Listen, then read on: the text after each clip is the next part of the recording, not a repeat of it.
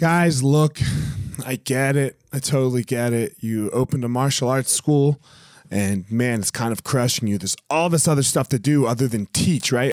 You love teaching. You love jujitsu. You love Muay Thai. You love karate. Whatever it is you're you're teaching. And man, but there's all this other stuff. There's there's the front desk. There's there's taxes. There's curriculum. There's cleaning.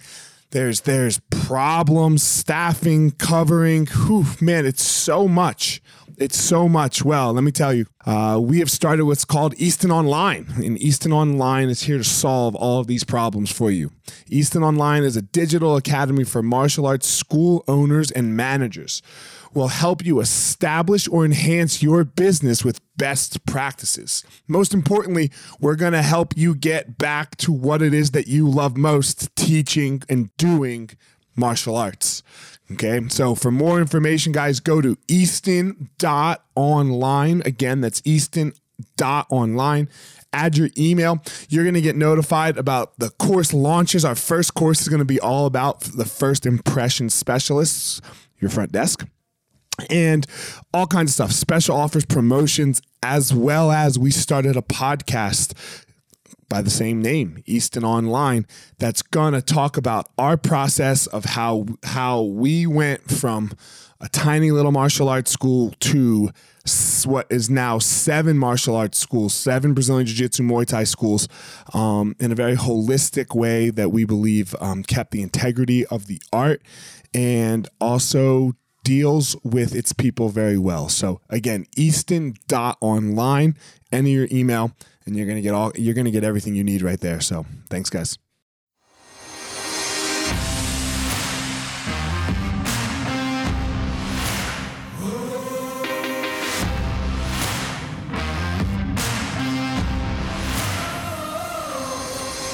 What's up, my ninjas? This is former UFC fighter Elliot Marshall, and this is the Gospel of Fire, where we are going to learn how to go into the fire so that we can find our power and live the best life possible.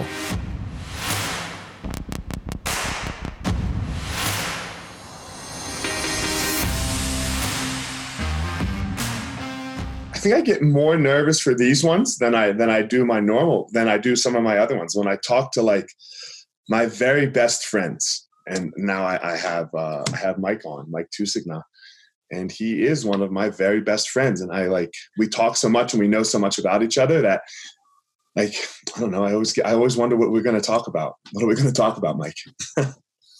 I don't know. I think you're the interviewer. I'm just here to answer all your all your questions answer all your hard questions i know i know. Um so i guess like i just i think what has gone really well for like people in the Easton community and for just people in general like is just hearing how how you got how how we got here like all of us together kind of. Because i don't think any one of us did it. It's not like amal did it or you did it or i did it. I think like hearing everyone's individual journey to uh, our current place and where we're going is really cool for people to hear. So yeah what was what what where did this all start for you where did my jiu-jitsu journey start? Is that no, just like what got you to Colorado? Right? Like oh, like because I know like because you're from Boston, right? So let's start there. What got you to, what got you out to Colorado? Like, and I know you and Ian have a very similar path of like, you know, it was not going well in Yeah, to say the least. Uh man, I could real real quickly. So for me it was you, you know, my whole life uh, growing up was always a struggle for me to sit still. Let's just start there. as, as an example of, and struggle for you to sit still. that'll circle back to why I found jujitsu and why I think I have the position in the company uh, Easton that we currently have. I think it all circles back to childhood peace. Um, so, what was the struggle? The struggle was I couldn't sit still. Like literally from from kindergarten through like I remember in preschool I tried to escape preschool by sneaking onto the fence and running away. Right. And then from kindergarten through second grade, I went to three different elementary schools because the teacher's like, this kid's maniac. Kindergarten through second grade. Yeah, three elementary schools. So three years, three schools. and then in second grade, I remember I threw a chair at a at a at a chalkboard because I felt like there was an injustice that happened. I always felt like there was an injustice, and I had to stand up for it. Usually, it gets to me. Do you remember? do you remember the injustice? That one, uh, yeah, I think it's this girl.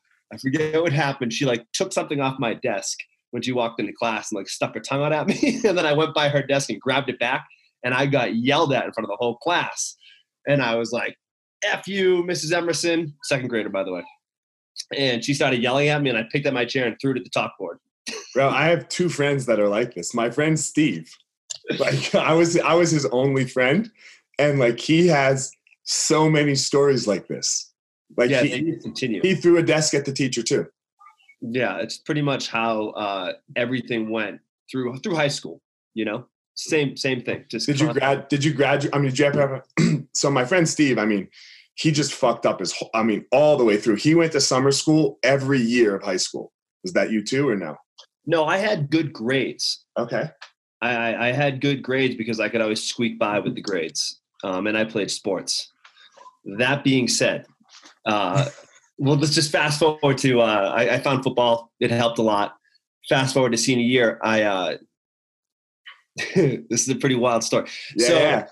Don't so senior, senior year of high school, uh, in my hometown, drinking was a really big thing. You know, okay. we drank a lot. Like that was kind of what you did. Freshman year, we started drinking, and it was like Friday through Sunday, we just drank and partied, and then play sports during the week.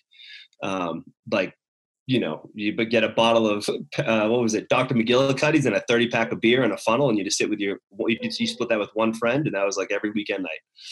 Um, that was how that was how we rolled. So senior year, uh, it's prom night, and prom is a pretty big deal where I'm from. And you usually get a limo. And I, the year before, I had this limo driver that let everybody drink. So I got the same limo driver for my senior year for me and my friends because I knew he'd let us drink. And So we went to my friend's house before prom to pregame. We did a are you, power are you, are you aiming right now? Because Ian got all nervous after he told all kinds of stories. I can see you're a little nervous. no, it, it's good. I'm just thinking about this, you know? Okay. Uh, so we did a power hour. You know, we each had, you know, you know, power hours, you drink like a sip every minute. Yeah, I take a shot of beer every minute for an hour. Yeah. And so we each drank a 12 pack of beer. And this is at noon, uh, the day of the prom. And so this is way, 12 pack of beer. This is way before prom way before prom. This story gets awesome. Go Uh, way before prom. Awesome and embarrassing at the same time. Sure, sure. Uh, so way before prom, we, we each had that. I drank the entire 12. We all drink our 12 pack. My friends are big drinkers. They're all Irish, so they're all and bigger than me. so we got hammered, but didn't even realize it. Drove home, got my stuff together, got ready for prom, and then in the car I had a bottle of uh, Bacardi's Limon. That was what we drank back then, being from me and my prom date to split. We drank the entire thing on the way to the prom. Me and my friends each had our own bottle to split with our dates. And I get in the prom and I'm just stumbling through the prom. I barely remember what happens. But I remember my football coach looking at me like, Mike, what is wrong with you? Like I was so drunk they thought I was on some type of drugs. I just hadn't eaten and I've been drinking nonstop. And I'm stumbling through Copley Plaza at the, the Copley um, downtown hotel, a high-end hotel in Boston where the prom is. And they're like, what is wrong with you? And they're saying stuff to me and I'm just blacking out. So I just disappear and run outside and I hide in an alley. And I'm in a tux with a vest on and I'm in the alley just throwing up on myself. And I remember this. And then what happens next is that my coach comes out and he's trying to like help me out. But then the dean comes out, the other dean comes out, then the principal comes out and they're yelling at me and i'm like ah i'm an idiot laughing. I know i'm in a bunch of trouble. Like it's right. weird. I was in the shriners game and the mvp game so i like was the only kid in the team that made both all-star games for football and i knew that was coming up the following week. Plus we still had our walking for graduation our senior party so it's prom then all these things happen right after prom right? So like how did you have football games in the spring? It's all-star so if you did well you get taken to the All Star teams and you play some All Star games in practice. Uh, but they make you like wait till the end of the year so you behave yourself. Yeah, got it. so I am. I'm outside throwing up myself, laughing at myself, like I'm in so much trouble. I accepted it, and I'm like, "Don't get nobody else with me. I'm the only one that was drinking, trying to cover for my friends. Like it's all me. Don't worry about it. I'm the bad one." And then my girlfriend comes out, and by the way, I had a big issue with the principal at the time he ended up getting a lot of trouble later on for um, soliciting uh, blowjobs at truck stops. Actually, uh, yeah, but and he got kicked out of school for that. Um, The that, principal, he- the principal of the school, principal, yeah, soliciting blowjobs from students or truck stops, so men. yeah. Oh wow! So he was a Trying to give closet. Oh, Yeah, wanted to give the blowjobs. yeah, that's a that's a thing. Like people go to truck stops, bang on the door, like, "Hey, can I? You pay me, I'll blow you." Blah blah blah. Whoa! Get the fuck out of here! I didn't know until I, a lot of stuff came up this year, but the whole through high school, I was always getting in trouble, like Okay. for whatever it was. And me and the principal would always battle. I'd be like, "Fuck you," and you know. So I didn't like him. I hated the guy actually. Uh, and anyway, my girl, he's like 300 pounds, this fat, overweight guy. My girlfriend's out there, and I'm like, oh no, and I get immediately get protective, and she's crying, and his hands on her shoulder, and I think he's yelling at her, and I snap. Now, remember, we're downtown Boston. I'm in a tuxedo with all my football coaches, the dean, the principal, and I lose it. I start tackling and double legging my principal and the dean and just losing my mind and just tackling everybody I see, hitting people. Um, and then the next thing that happens is this is where I sort of black out. My coach reminds me of the story is I'm in an ambulance and I'm just, I punch one of the EMTs in the face and then they strap me down and I get to the hospital in downtown Boston, like, and it's not very nice area where I'm at the in the in the, in the ER room, Yeah, no hospitals downtown are nice. and I'm in the ER, and I'm like, I I come to you on a gurney, and I'm like, oh my god, what did I just do? And next to me, there's this massive, massive black dude, and uh, he's like, "What's up, dude?" And I'm in this this little I'm this little white boy in a tux covered in puke. he's like, "What are you doing, man?" I'm like, "I don't know, man. I got a lot of he's laughing at me. We're talking, and I'm like, I don't know. I guess I'll just deal with it when this happens. And then my mom and my dad walked in, they're divorced at the time. And my stepdad is my mom, and my stepmom is my dad. And they all walk in there. And by the way, like I had never seen my dad drunk, and I had like pent up rage as a kid for my dad because he was not abusive, but he was an intense dude that wasn't always the nicest. Just Okay. a guy struggling trying to dad. So I see him walk into the hospital, and I'm still pretty drunk, and uh, and I'm like, I look at the doctor. I'm like, I'm gonna kill him. I'm still just raging out. Right? Hold on, you're gonna kill who? The doctor or your dad? My dad. Okay. And I'm like, and I tell this to uh, the the doctor, and he's like, "Oh man, then we can't let him in here." I'm like, "Man, I'm just kidding. I'm just kidding." So he backs off, and I get off the gurney and I tackle my dad, and we go through a wall, like one of those like those walls they put up that they slide in uh, on wheels. We go through that, and we end up on inside this in this other person's room in the hospital, um, and I'm just strangling him, right? And my dad's like 230 pounds. You know, he's a big guy. And I'm just, and this is at the time, by the way, this is the one year I tried steroids. So I was jacked up. I was like, I'm going to try a half cycle of steroids, see what happens. So I got huge because I was going to play college football that year. How how how big did you get? I was like 195 pounds. I was benching like 365.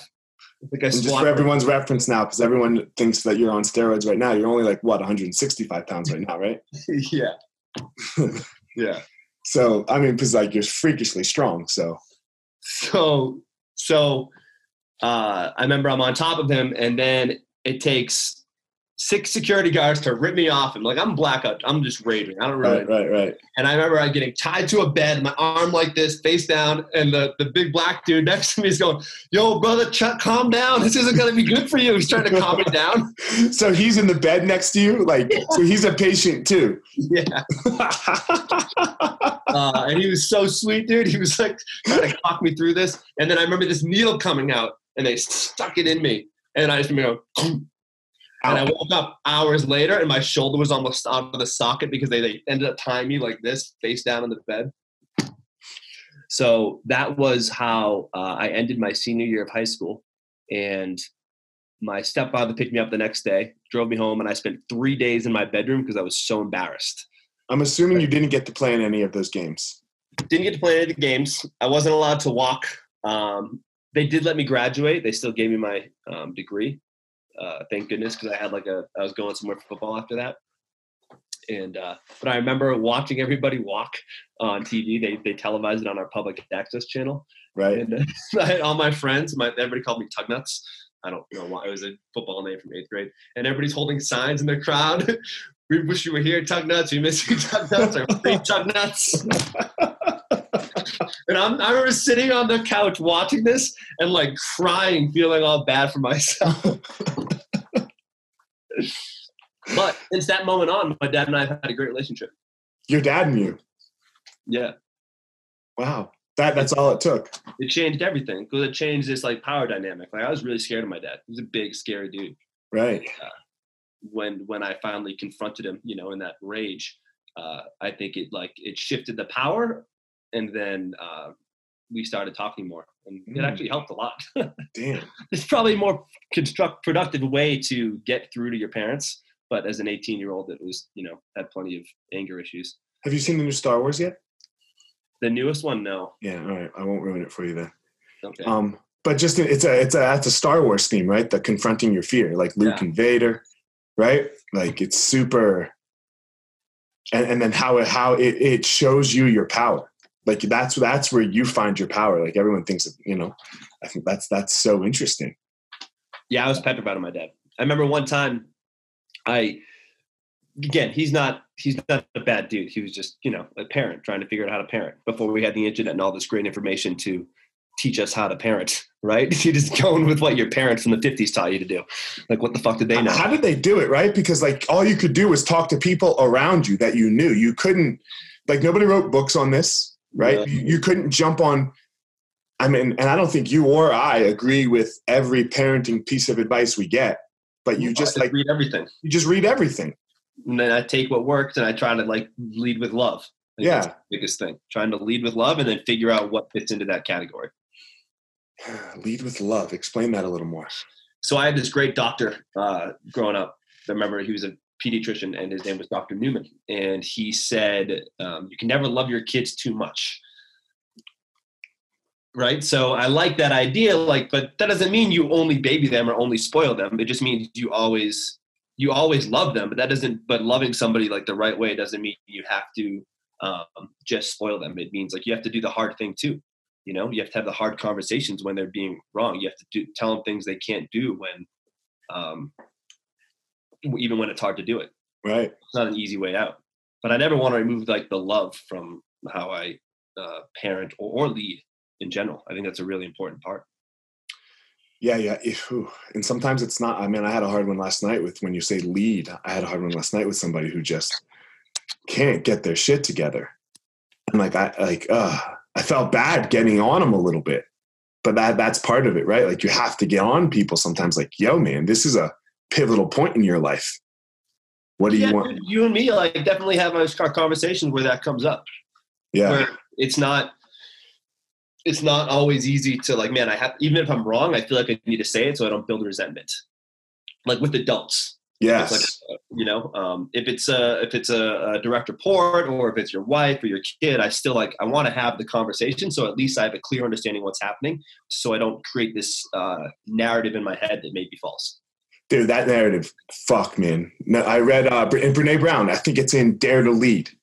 She's like, we all do this shitty first draft, yeah love right? and, and we do it in our heads, and we normally don't get it out. Like we normally just let it rumble in our heads, and and then and then man, it doesn't. It turns into something way more than a shitty first draft, right? It becomes like the truth for us. Yeah, I like I like how Huddleston always talks about there's like always multiple truths at play, and keeping the, that in mind. I'm like, okay, this may be my truth, but it doesn't mean it's the actual truth. And I don't even know if this is what he means when he says it. But the way I took that is like, what is their truth that they're trying to say? And like maybe there's something in the middle that's the that's that we're really trying to get to. yeah, it's super interesting how there's how uh, there's just so many truths, and not even two. There's like it's it blow that that that blows my mind. And what's really helped me with that, I think, I think you, I don't know if it was you or Ian who gave it to me, was like, look, the person is only trying to do their very best in the moment. Like no one's like, damn, let me see how bad I can fuck this up. yeah. Like that. That's never anybody's like default. Well, you have your one percent. You have like that one percent. Maybe it's less than that that falls into that like uh, pathological or socio or, or sociopathic tendencies. The narcissists tendency. Like, it's just a very small percent. Like it's so rare, so I don't think you should ever assume a person plays that part. Right. It's a, you know, I mean, well, I have one, my sister. so, yeah, like they, they exist. We're all Yeah. one. yeah. It's, but it's super interesting. Like what helped me with my parents, you, like I said, this conversation, you helped me with it. Um, was my, I mean, my parents and I, we have all been on these different perspectives with my sister, right? Like of, and like my, my dad's crushed, my mom's mad, and I'm somewhere in the middle. And I said to them both, I was like, look, we can't get mad at each other. Like, like, because then she's the winner here. if Yeah. we're all mad at each other too, each one of us only did what we thought was best. Like even dad, who was wrong, probably, you know, he only did what he thought was best for for the moment, and that was, and I, I guess that's leading with love, right?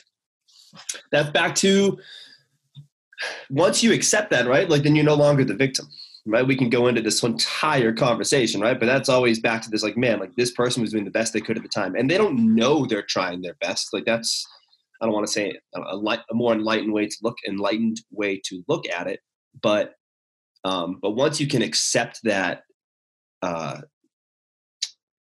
um, that that the person is trying their best, whether they know they are or not, then you're no longer the victim of the of the circumstance of the situation, right? You're just you're a part of it's their own narrative, and you shouldn't fall into their delusions of what what they're doing. Um, yeah, So it kind of I that mindset helps a lot. That that that silly short book that I think I told you to read, uh, the Four Agreements. You don't have to read the book; just the the four pieces of it are great. That whole like, um, don't make assumptions, don't take things personally, speak impeccably, and like always do your best. Those things really help in the moment of like, wait a minute, don't take that shit personally because that really pisses me off oh god damn right. right? And don't make assumptions because maybe they meant something else. Like I just try to remember that. Ian just told me the four agreements, and I was like, man, that helped me so much not lose my temper. Say it Which- again. Uh, it's I think in order, it's like speak impeccably, like impeccable with your word. Um, don't make assumptions. Don't take things personally, and then you know always do your best, which is it's hard. Those are so simple, but in practice, it's pretty difficult to do. The, the, the, I think the hard the hardest two for me are speak impeccably and don't take things per, per, uh, personally. I would 100% agree. Uh, that's I read the book. I was like, man, I want Elliot to get this part down because it makes it so much easier to navigate. Um, every man, imagine if imagine if we put this shit in schooling, and maybe I wouldn't have been kicked out of school three times by second grade. Maybe I wouldn't have gotten suspended my junior year for threatening to. I had a male shop teacher, and I was what? a male shop teacher. Okay, a male. Sh- A okay, male. got it. I thought you were saying you had like a mail order. Something. I was like, you what? So, shop teacher. That was the gender of male. Yes, Okay, got it. and it's important that I never took the shop class. Like I always try to do like above average classes because I wanted to go to a good school, even though I didn't Sure. do that great. But I, but my senior, maybe senior year, I was like, you know what? I'm gonna just float my senior and not do anything. So my coach let me take a bunch of free classes with him. So I just hung out with him for a couple periods every day. And then I signed up for some easy classes that my friends that play football were always in all year long, like since the beginning of time. So I took a shop class and I'm like, sweet. And I tried really hard. Like I was like, I'm gonna do a good job because it was fun. And my friends would show up like 30 minutes late. They come in occasionally. And at the end of the year, he pulls us into his office and one by one he gives us grades. And my friends all got A pluses. And I'm like, they were never there. They didn't do anything. I was like, sweet, I'll do really well. I go in there and he gives me an 80. And I'm like, I'm like, dude, why did I get an 80 and they got that? He goes, because you were late these two times. I'm like, they haven't been here all week. I was like, what do you mean? He's like, don't argue with me. And I started yelling at him in the office. And and he kicked me out of his office. And I walked across and he's like, he's like, go to the principal. And I was like, so he I walk out of his office, he walks out of his office into his classroom where all the whole class is, because everybody's waiting for their grades. I go to the door, I turn around, and I say to him, Hey, motherfucker, you've been raped by a dick this big. Come into the parking lot. I'll take care of it right now. And I scream at him across the entire um, class. This. And everybody's like, and he sent me up to the office and he called the cops. He's like, this person threatened to rape me. Um, so the cops come in and I get suspended from school for a week for threatening to rape my male shop teacher. I, I could see that. Yeah, I, I could see that. But imagine if, like, we presented these ideas of the four agreements early on, like, hey, man, here's some emotional intelligence for you. You shouldn't take everything so personally. Maybe Yeah. it wouldn't help. I don't know. I, I don't know. I don't know because like we're young too, and sometimes timing is everything a little bit as well, right? Would you get like would you get sick of it? Like would Yeah, you like yeah, fuck this and go the other? I mean, we, we just never know, right? Because like you have the you have the dad who you have the alcoholic dad, and then you have the, you have the kid. He's got two kids, the alcoholic dad, and one of them alcoholic, one of them sober, doesn't fucking touch it yeah, same experiences, same everything, right? So I don't know, but yeah, I try like the impeccable with my word. I've been trying, you know, the last couple times I've talked, I've tried to like, okay, don't make a joke, right? Like, like don't Elliot here. Just present the message.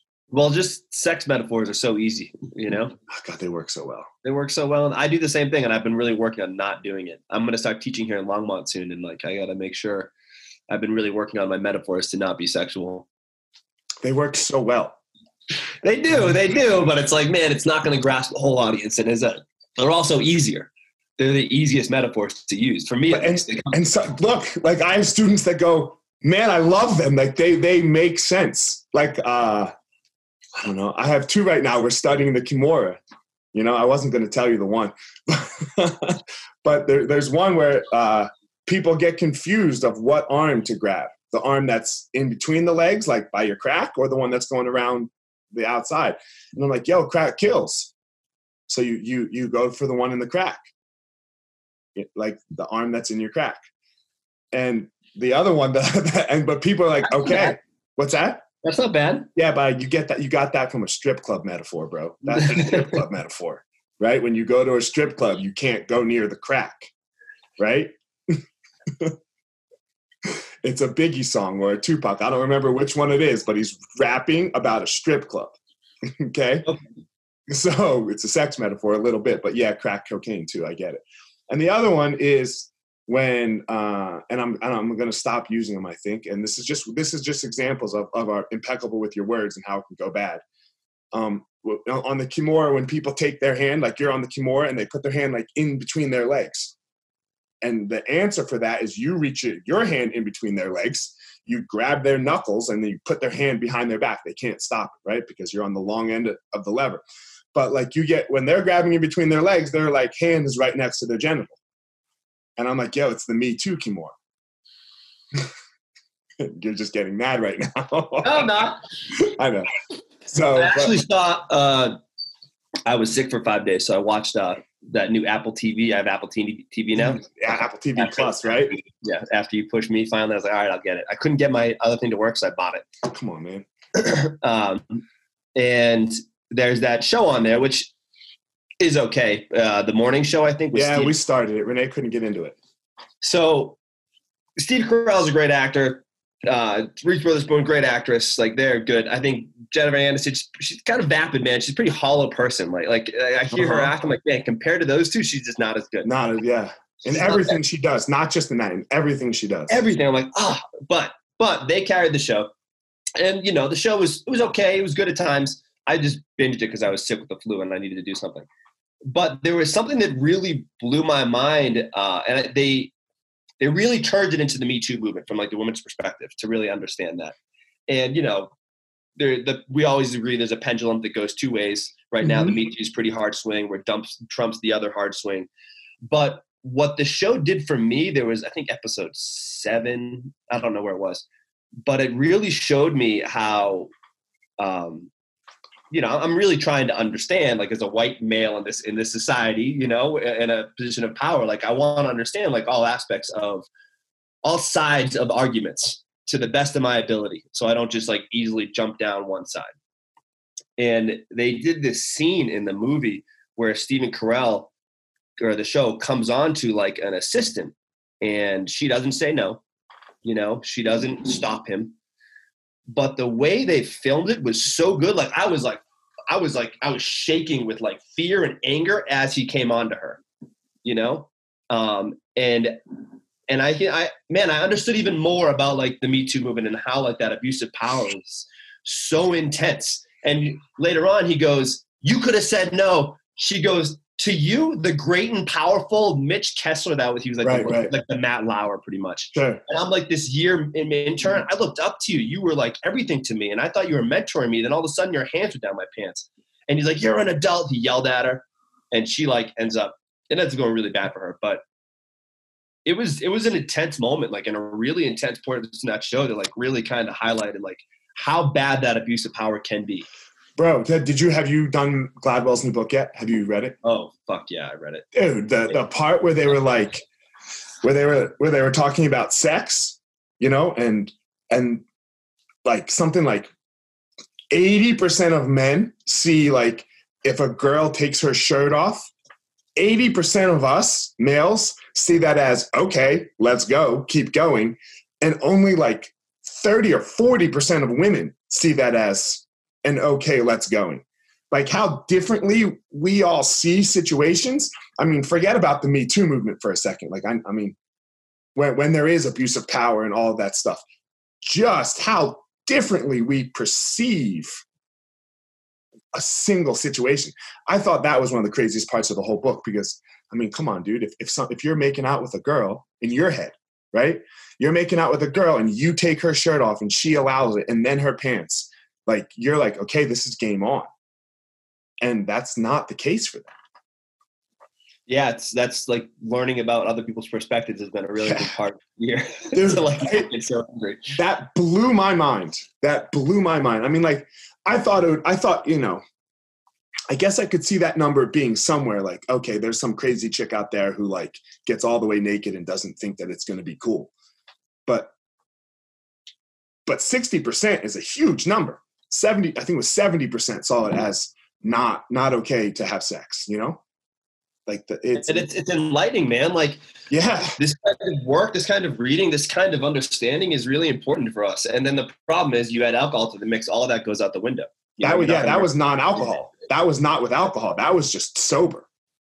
it's really scary, man. Like Yeah. all of it is fucking frightening. And like I like you know you, you have sons, I have a son. Um, it's all like super scary these days. It's like it's off, I'm petrified.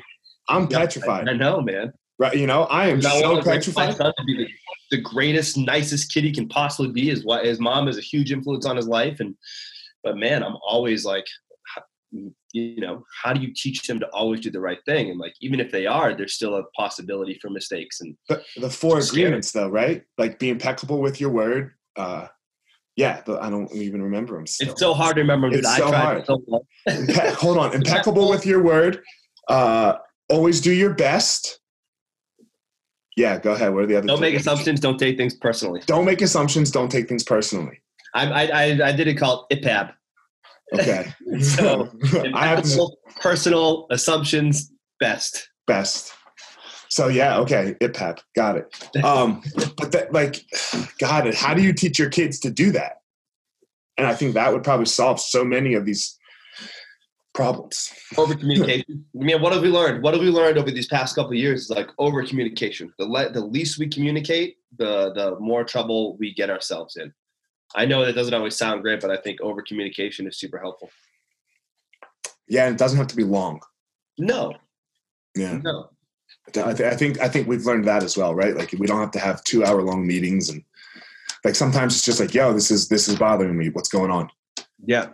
You know, you and I. I think really good about that too. He's what's that? if I, I said something out of line once and Valor like called me right away to help me. He's like, hey man, this kind of upset me. And I was like, why? And I was like, oh shit, thanks for pointing that out. I didn't realize that. Right, right. It's it's interesting when you have to lead people, right? How uh, their perspective does really matter, and you have to, and not always, right? Because sometimes you have you have to you have to like like Calvin said, Elliot the Both. You know, sometimes you have to sometimes you have to lead. that was great. Yeah, you know, but you have to do it with love, like like you said. And I think, and not that we're the most diverse, but I try to keep a, a intentionally a diverse group of uh, opinions. So like, um, I'm going to bring in race and gender into this too because I Yeah. think it's important. But like uh, Valor, you know, the the the the the black dude from Compton in Oklahoma, you know, uh, Sachi, the the Asian girl from Hawaii, right? Um, Sarah, you know, the white girl from Crested Butte.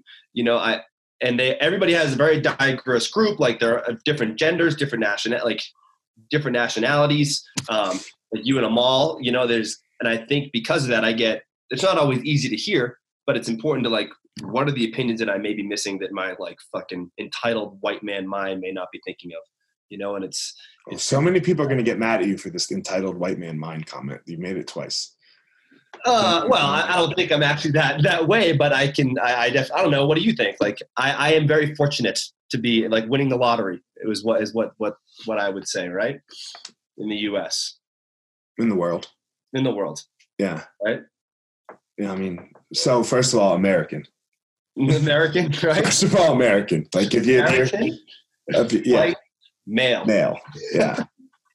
and like, I think people get so mad about this that they they're like, "Oh, my life was fucking hard," and blah. Like that. That's very true. That like, no, no, it's not a guarantee, right? You know, but if you if you could have all of the problems that you've all that you had, what what else would you rather be?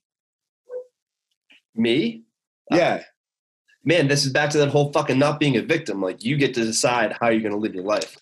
It's such an interesting dynamic, Mike, because I think uh, as a society we have to move that way, like uh, understanding that how privileged we are. But when you talk to the individual, you can't tell them that it's not that like uh, you know you're a black gay female, right? Like like that does not if they're in a bad way, it does not help them to tell them how um, underprivileged they are. Mm. Like, what do you say? You you've helped a lot of people, right? When you when like somebody's struggling, what what do you tell them? Man, I don't know if I tell them anything. I think I listen to them. Yeah, but after all that, and they need to like take some steps. They need to like get going. You know, like sometimes you have to like and they're like, oh man, this so and so did this to me, and so and so did that to me. It's when, yeah. when you've been dealing with the same person struggling. Not I'm saying not just like not just in the moment, right? Yeah. And you need this person to take some steps to get better in their life, and all they do is play this victim role, and maybe they are one. Maybe they are right, but it's that's not going to change their circumstances you know so i think it, for me like it always starts with that empathy piece right really listening intentionally you know and then mm-hmm. after that it's moves into the idea of um, you know i really like the way the stoics talk about it. It's been very helpful for me you know and like trying to make sure they pull themselves up to this they're not pull themselves up but think about like okay things are hard things suck life is difficult right? And i'm and i can't even begin to relate what that may be like for you. But it's going to be up to you how you decide to act in this world and what you do with that information you know I don't know. I'm not. I'm not. I'm not a therapist, right? I just, I just know what worked for me. You know, right. I was always. I always felt like my dad was mean and my life is hard. Blah blah blah. And uh, then you know, I think reading was the big thing that kind of pulled me out of that because it brings you into like understanding the human condition and that every single person, whether it's a fiction book, a nonfiction book, has these struggles, and some are so much more extreme than others. Um, but everybody struggles. And then some people take that struggle and really do amazing things, and other ones get stuck in self pity. Um, I don't know. How do, yeah, it's, it's such a crazy, like, stuck in self pity, right? Yeah. Like, it's such a common thing. I've been sick for a week. And trust me, I was feeling bad about myself. I had to leave the house. I was like, I'm a loser. Why am I running this company? Why are people asking? Like, I don't know what I'm talking about. I don't deserve this. I really struggle with that whole imposter syndrome. Like, I'm not the one that should be in this seat, you know? Um, and I struggle with it a lot. Uh, like, I, I have a hard time. Somebody asks me how I'm doing. I'll like totally deflect and then start asking about them because it gets awkward. Um, right. When I when I'm struggling, I'll reach out to a friend and, and ask for advice. But if somebody asks me how I do, I'm like, I'm good. Anyway, how are you? What's going on in your life? Um, I'm always feeling not. Uh, maybe I don't deserve to answer that question. Is kind of how it feels quite often. It's hard. I feel it too. It's so hard. Like, like, why the fuck? Why are we sitting here? you know, why? Why are we sitting here? Why are people reaching out to us? What? What? What? What? Well, I don't fucking know. I, I, I figured out my life a little bit. a little bit. you know, a little bit. Our crazy struggles. You know, fuck, man, this kid that I'm dealing with right now, he's struggling so bad, and like I and like getting evicted and all of this craziness. Uh, I mean, like really, really, really struggling. Very similar to how I was three or four years, almost four years ago now. Um, and I look at it, and I got this is what made me think of it last night. I thought about this. I was like, man, did I just get lucky at the time period that I really, really struggled? Because I didn't have to worry about any income. Like the businesses were set up, right? Like, so I was I was going to have an income. My wife worked, like so she had an income. I had friends, you and Ian and Will, who I developed those relationships because of certain things. So did I just luck out at the period when it got worse, when it got terrible for me? Like that's what sometimes this is what I struggle with when I watch other people struggle. Yeah, of course. I think was, I was reading something. What the heck was it? But it was talking about like if you go to a society where people consider themselves lucky, they're like the happiest society because they they even though they did other things to get there, like man, I'm a lucky person. I don't remember the book, and I'm paraphrasing, but it was it was a, when people actually consider themselves lucky in life, they end up being a lot I don't know happier in their life. You know, like Why even more, uh, why is that? Yeah, why do you think that is? because I think I don't know what is what is the reason. I, I can't remember what they said, but for me, I would say it's because we are lucky and fortunate to be a part of a, a community where we can um, prosper, right? Like we got lucky enough to read shit. We can be lucky enough that we got a chance to read a book that changed our, our mind. We got lucky enough to have a conversation with this individual that shaped our life. We got lucky enough to find jujitsu because I met all these great people that changed my life. Like it's everything is fucking luck. Like think about your rage. What if you had 15% more rage? You might have killed somebody, Yeah. right? Like 15%. You just had enough, a small enough amount of rage to not really fuck somebody up. And there's been some bad instances, Yeah. really Yeah. bad, a lot, and they're embarrassing. Um, but yeah, I, I think about that. I, I think about that with my anxiety and my, my, you know, if I had 10% more in that very, on that very worst day, you know, if you, and if you had 15% more on your, in that moment, what would we have done?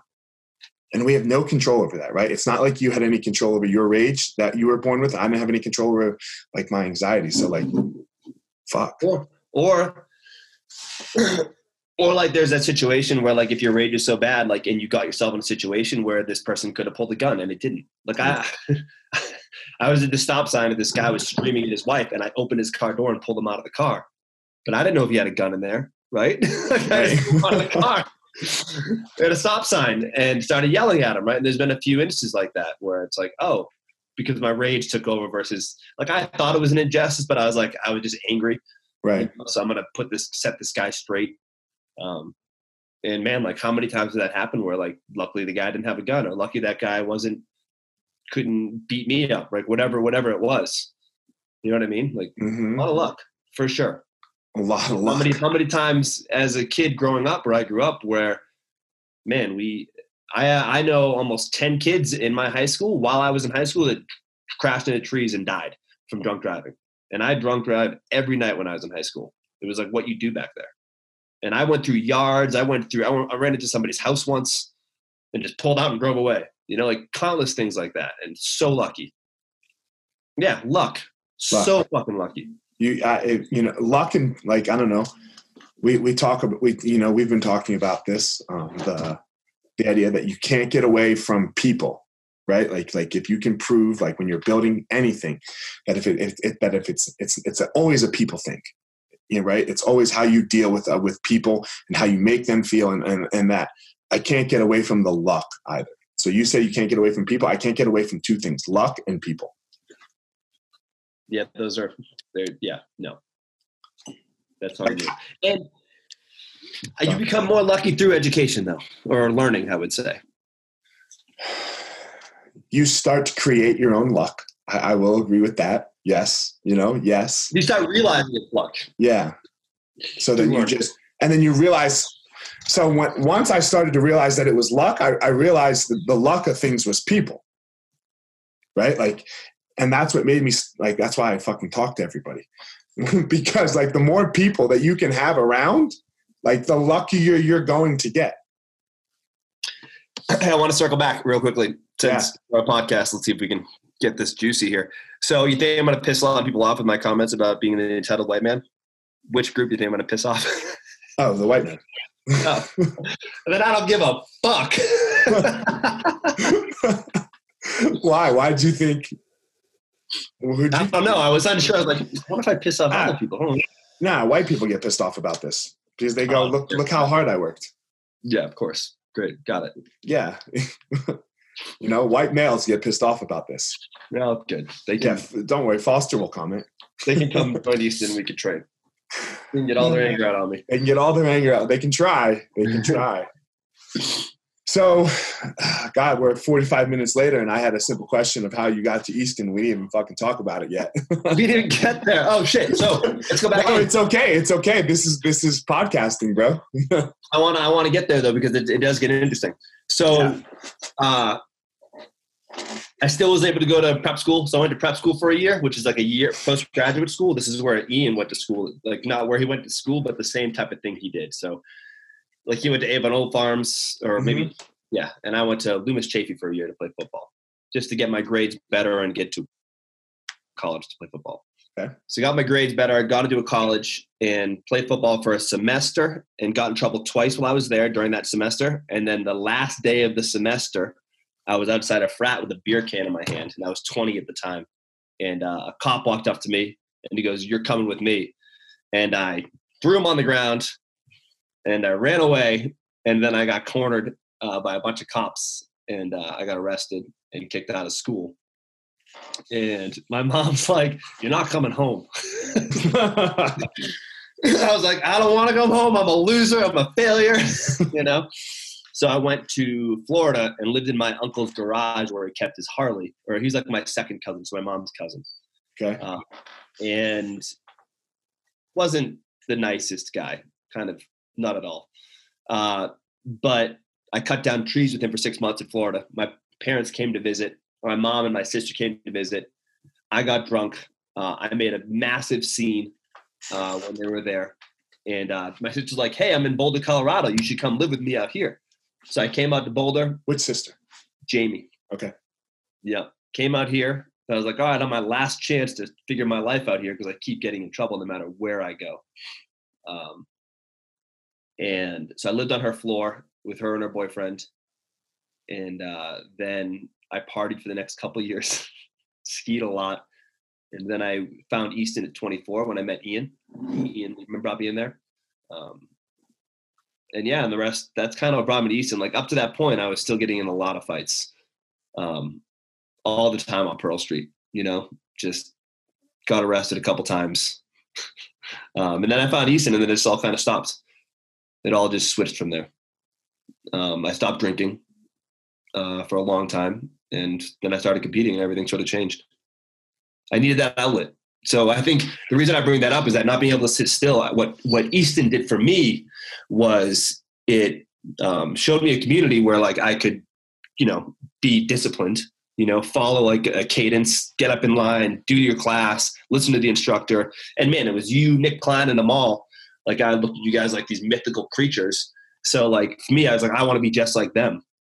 So I just thought, fell in line, right, and just did whatever I was supposed to do. I don't think I said a word for the first three months being there.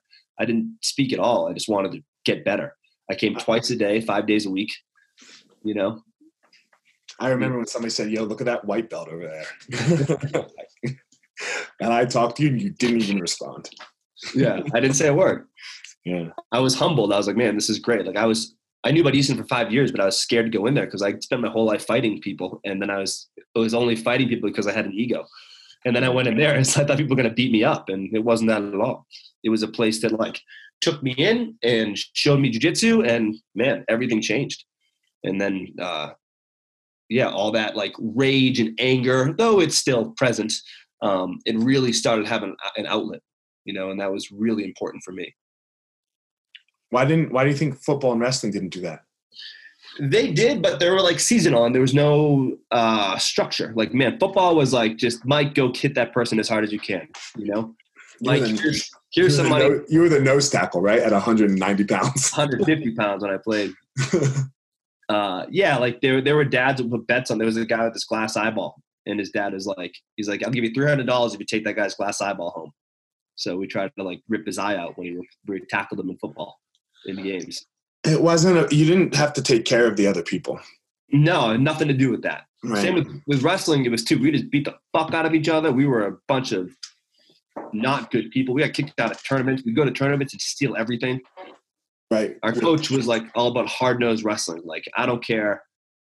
Like I want to lock you in a room, shut the lights off, and be able to kill everybody in there. That was like his theme for us, and we were great. We won. We won state three years in a row Right. Um, because they were just savages.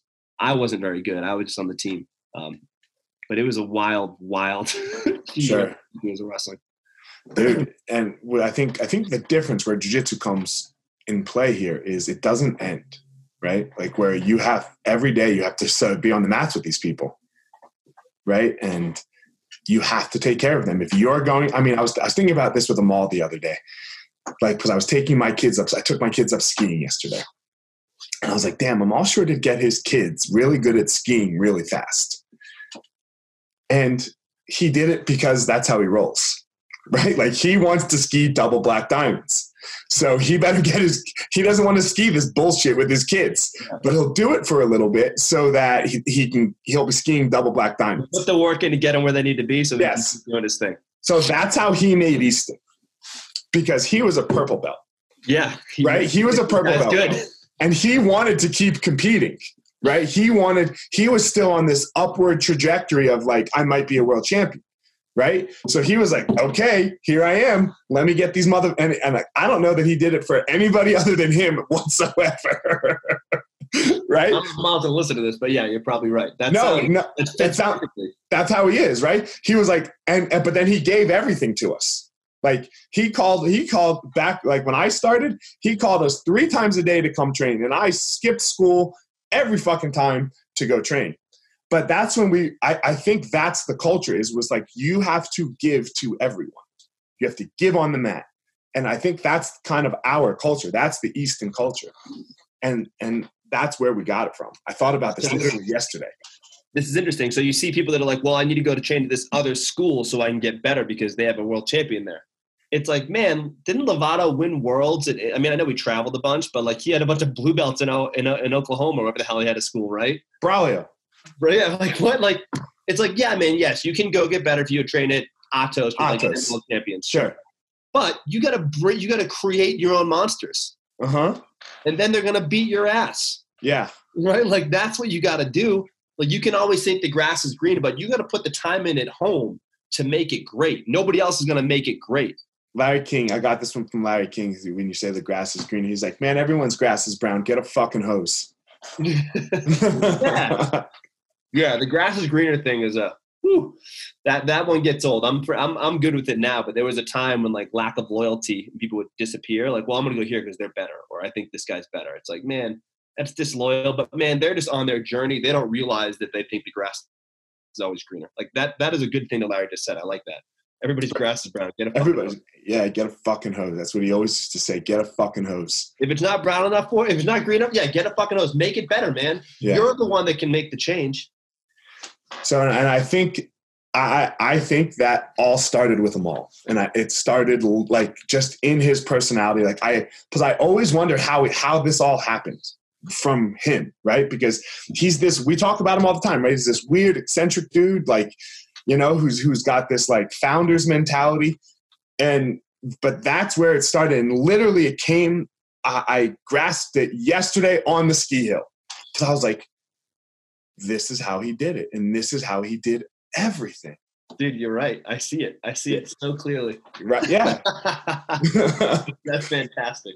It- it's crazy, and and now like we've taken it, and you you you especially are taking it and running with it. You know, like you're just fuck. This is back to that fucking thing, right? Like, man, I revere you and you and you and Amal. You're also, whether this matters or not, you guys are a lot bigger than me as far as like human beings go, right? You've done more in your life than me, so like trying to take the reins was a an intimidating task right don't get me wrong like i am an insecure person that um, completely doubts myself at all times right so uh, wanted to take the reins from these people that i came up underneath that i revered i was like man like i have to make this happen um, i really want to and you know not just through pleading but like you guys believed in me um, it was i was able to do it because I said, "Fuck it. What's the what's it gonna hurt if I just put it on the line and just ask them if they'll let me do it?"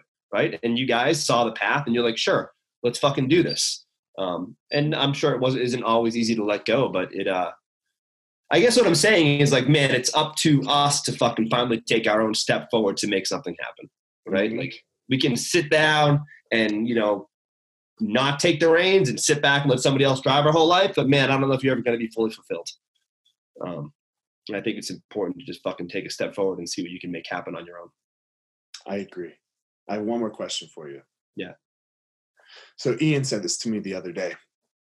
He's like, man, bro, when you and Mike agree, he's talking about me and you, mm-hmm. right? It's impossible for the rest of us to not go, right? Because yeah, we are sure. so alpha, right? Like, and so like, I wouldn't say so alpha. We are so like fuck, this is what we're doing. But when we disagree, you know, because we're really good friends, right? Like we're we're like, you know, like brothers. And so how how can I know what we're doing to work on it, right? To but how can people sometimes who have these other people in their lives like have this and you have this contention sometimes what's how how do we work through this better like what what what do you and I do and and how do you see we can do it better and how can other people do it better I don't know if I quite understand the question. Are you asking how do we work through when there's contention in our relationship? Yeah, because like when you and I get mad at each other, we get really fucking mad, right? Because we're passionate and like sometimes we don't speak impeccably, both of us, right? Like we'll be like, we'll, we'll have that moment where it just comes out and it's not what we should have said. And we also, I know I do, and I think you do as well, we take things personally. Yes? Like just naturally. And Ian said it, you and I, like, man, I, I can hear other people give me bullshit all the fucking time for the most part. You know, I read YouTube comments, homie. Right? That's no joke, bro. Yeah, I, I know. I know. I can read YouTube comments and find like good in it. But like when you and Ian or like Amal and my mom and my wife say something like that, that like it, it it's a direct line it's and it's like this fucking long, right to my heart.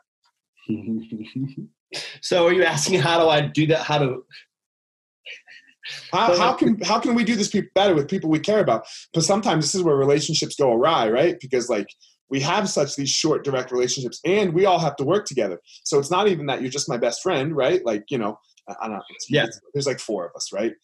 That are you know, I always say best friend, but I don't know. I think I, I know what you're asking. Okay, sorry. So I have a so for me, and this is uh, me, the person that has man. We should tell the story about when I lost it on that guy Eric one time. That'd be hysterical. Uh, maybe that's oh, the black guy about the music. Uh, we'll tell it. So go ahead, tell it from your perspective. Go. let's answer this question. uh, so I think there's a, there's a few things, right? Like, um, the first thing I try to think of right away is that the mental model of like Hanlon's razor. I use this a lot now. Assume, assume, um, uh, the fuck is it? Assume carelessness, not malice. That helps me right away. If I put that in mind, like, okay, he wasn't trying to be a dick. Like for everybody listening, like assume carelessness. Like when somebody writes you a blunt text, you're like, man, this motherfucker is talking shit. When it just was a carelessly written text because they were busy doing something something else. So I like Hanlon's razor a lot. Um, and then I have to frame it really quickly in my mind, like, okay, what what is it that this person was trying to do? Were they actually trying to hurt my feelings? Were they being a dick? No, that's never the case. And then the next step that I go to is that uh, nonviolent communication stuff that I've really been into lately. That's been super helpful. And what I try to do is uh, identify like what I'm feeling right away like like what am i feeling? Oh my god that's what i'm feeling. And not making it about what you did to me but about what i'm feeling. Like elliot yelled at me like man when man when i hear your tone of voice like that i feel oh, it hurt makes me frustrated and i get kind of um, angry. And i don't want to be angry with you. Um, and i'm and let me guess are you feeling kind of frustrated with me so that's why you yelled at me? Like I try to like get through it by like ask, identifying what I'm feeling and trying to figure out what you're feeling and maybe making an assumption with what you're feeling. And then after that, I try to talk about like what it is that I need to get through this, then make a request to improve for the moment. Right. Um, like, man, I, I need us to communicate better. And, um, and I think I request that we like maybe take a minute and, and think about this for a moment. Um, but that, that book has been helping me a lot, like not getting so upset with every little thing that happens. Um, what would you say is your common feeling about people like when you when you when you get triggered like that right what's what's the i know what mine is. I'll, I'll say mine in a second but what's yours? Like what what really hurts you? Man lately it's much different than what it used to be but what it used to be was like this person's an asshole they're inconsiderate and they don't understand how hard we're actually working to, to do this the right way. Like that's usually what it boils down to. I'm always like man this guy they- they're being they're, they're being inconsiderate man. They don't realize how much effort we pour into this to make it work and they're just treating it like it's not like fuck you because for you it comes back to injustice. It's always injustice dude. For me it's being left.